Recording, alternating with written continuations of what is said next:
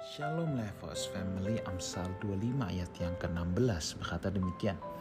Kalau engkau mendapat madu, makanlah secukupnya. Jangan sampai engkau terlalu kenyang dengan itu lalu memuntahkannya. Saudara, apa sih yang Salomo hendak sasar dalam hal ini?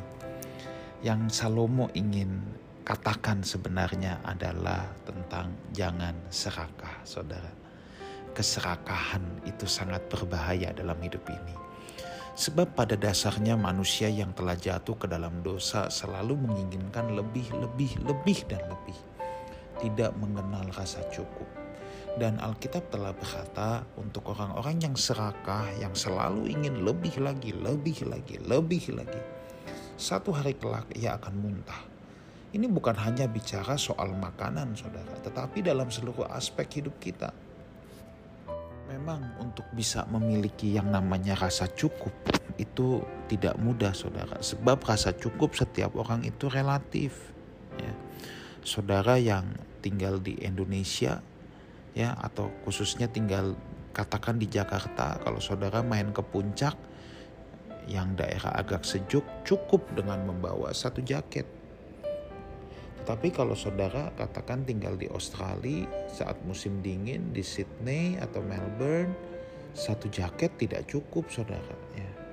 Tentunya banyak yang pakai tiga lapis. Tapi kalau saudara tinggal di Finland, di Swiss musim dingin, di mana salju di mana-mana, ya, atau di Alpen, ya tiga lapis juga nggak akan cukup.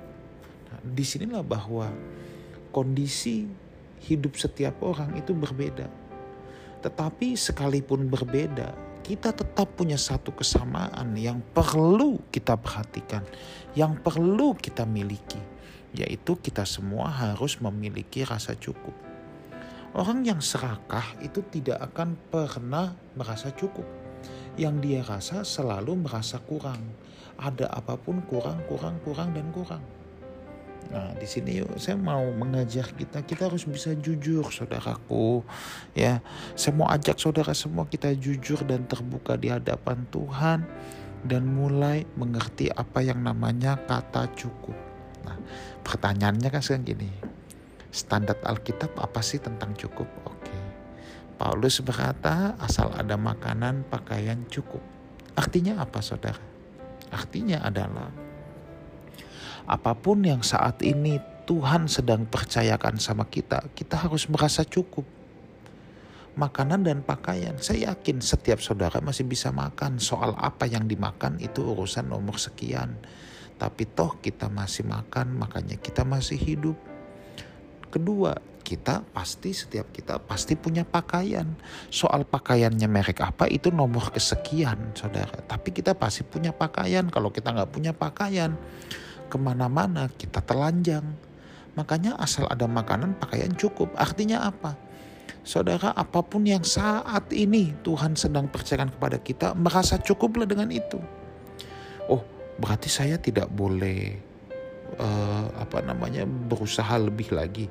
Loh itu harus saudara itu harus berusaha lebih lagi itu harus. Tetapi jangan sampai kita jadi serakah. Contoh ketika saudara dapat tender, dapat promosi, dapat kenaikan gaji, saudara ya. Puji syukur untuk itu. Nah, tetapi kita harus tahu di mana cukupnya buat kita, lalu apa yang bisa kita bagikan untuk sesama kita. Atau kalau saudara sudah berlimpah, limpah, limpah, limpah, nah itu lebih tantangan lagi saudara.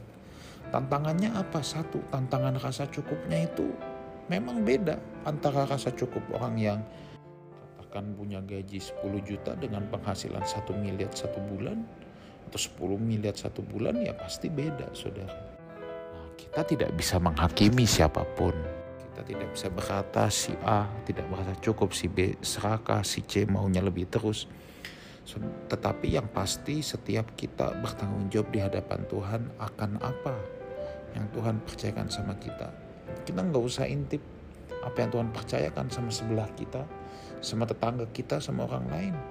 Dan kita tidak perlu menilai apakah dia punya rasa cukup atau tidak. Tetapi yang jelas dalam hidup kita, jangan sampai kita yang serakah. Yuk kenali rasa cukup kita. Kiranya Tuhan Yesus menyertai kita semua dan senantiasa memberikan damai sejahtera dalam hidup kita. Tuhan Yesus menyertai. Amin.